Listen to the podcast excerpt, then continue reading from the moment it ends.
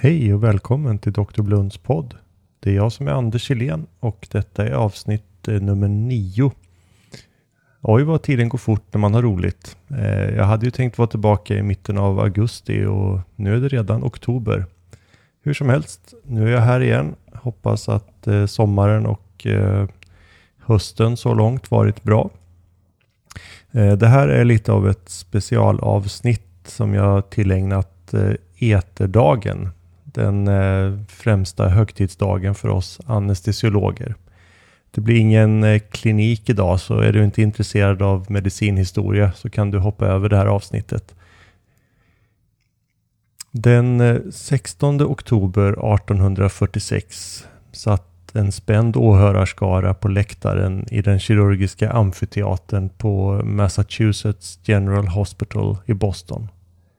På en stol i mitten av salen satt Edward Abbott, en ung man med en knöl på halsen.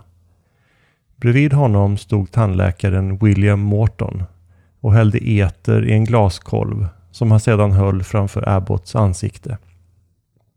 Snart somnade patienten där i sin stol. Då klev kirurgen, John Collins Warren, fram.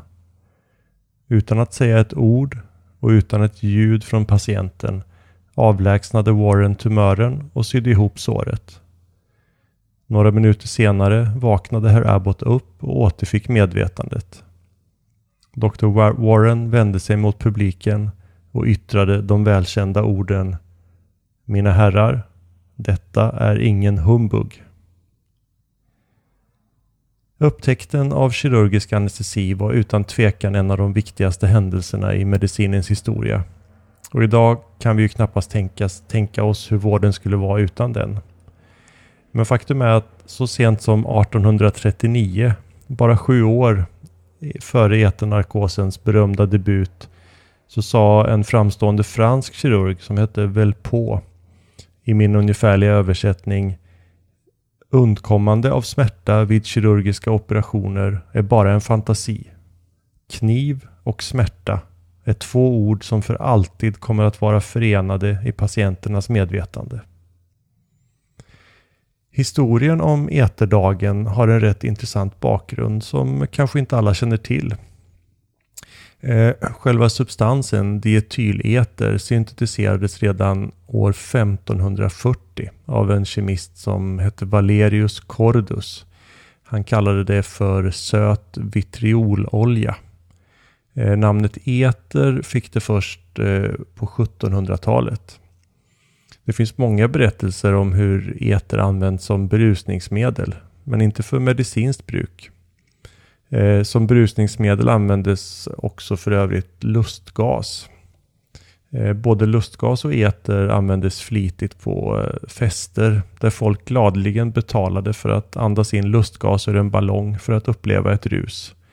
Man kunde också betala för att se på när andra gjorde bort sig när de andats in eter eller lustgas. Det sägs faktiskt att Samuel Colt som startade Coltfabriken för att tillverka revolvrar finansierade sitt bolag med sådana fester. År 1844 testade tandläkaren Horace Wells lustgas på ett sådant party och gjorde sig enligt sin hustru till allmänt åtlöje. En av hans vänner blev så påverkad att han sprang in i en soffa och gjorde illa sina knän rätt ordentligt, men kände ingenting förrän gasens effekt hade avklingat. Wells eh, såg detta och gjorde kopplingen att eh, lustgas kanske kunde användas kliniskt. Han testade på sig själv först genom att låta en kollega dra ut en, en av hans tänder efter att han inandats lustgas.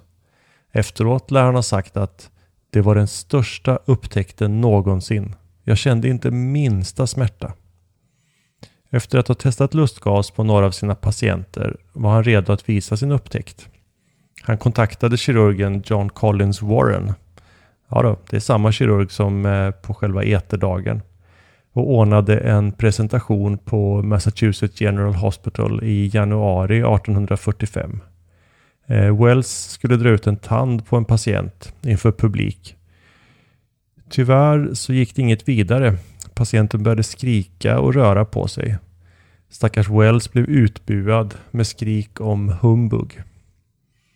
Eh, det finns källor som hävdar att det inte alls var något fel med lustgasen som Wells hade.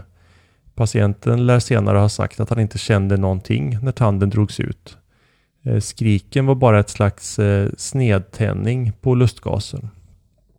Om det är sant så gör det fortsättningen på historien ännu mer tragisk.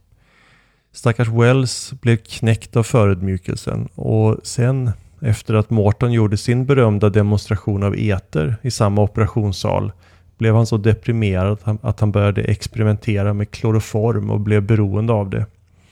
I ett rus misshandlade han en prostituerad och hamnade i fängelse och där tog han senare livet av sig. Morton var faktiskt lärling hos Wells och lärde sig mycket av tandläkaryrket av honom.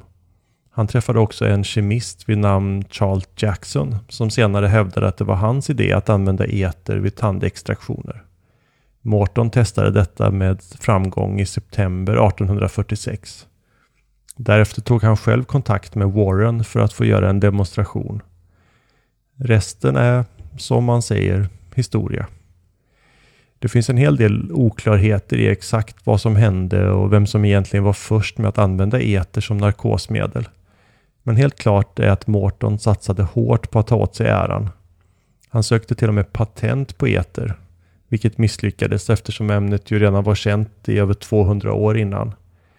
Han försökte också få ekonomisk ersättning från eh, USAs kongress för sitt eh, stora bidrag till medicinen, men han fick nöja sig med en medalj. Den 16 oktober förblir i alla fall det datum när den kirurgiska anestesin för första gången presenterades för en större publik. Och det är därför den dagen fortfarande högtidlighålls bland historiskt sinnade anestesiologer. Jag antar att de inte är så många i och för sig. Men eh, se nu till att bjuda din närmsta narkosläkare på tårta idag. Eller, om du själv är anestesiolog, påminn din kirurg om att det är hans eller hennes tur att ta med sig fikabröd. Ja, det var allt för det här specialavsnittet. Eh, tack för att du lyssnar. Eh, kommentera gärna på bloggen. Berätta hur du firar eterdagen. Eh, om du har lust att logga in på iTunes och lämna ett omdöme så uppskattas det också. Eh, du kan följa mig på Twitter och Facebook. Eh, dela gärna med dig till dina vänner också. Det här är Anders Silén. Hej då!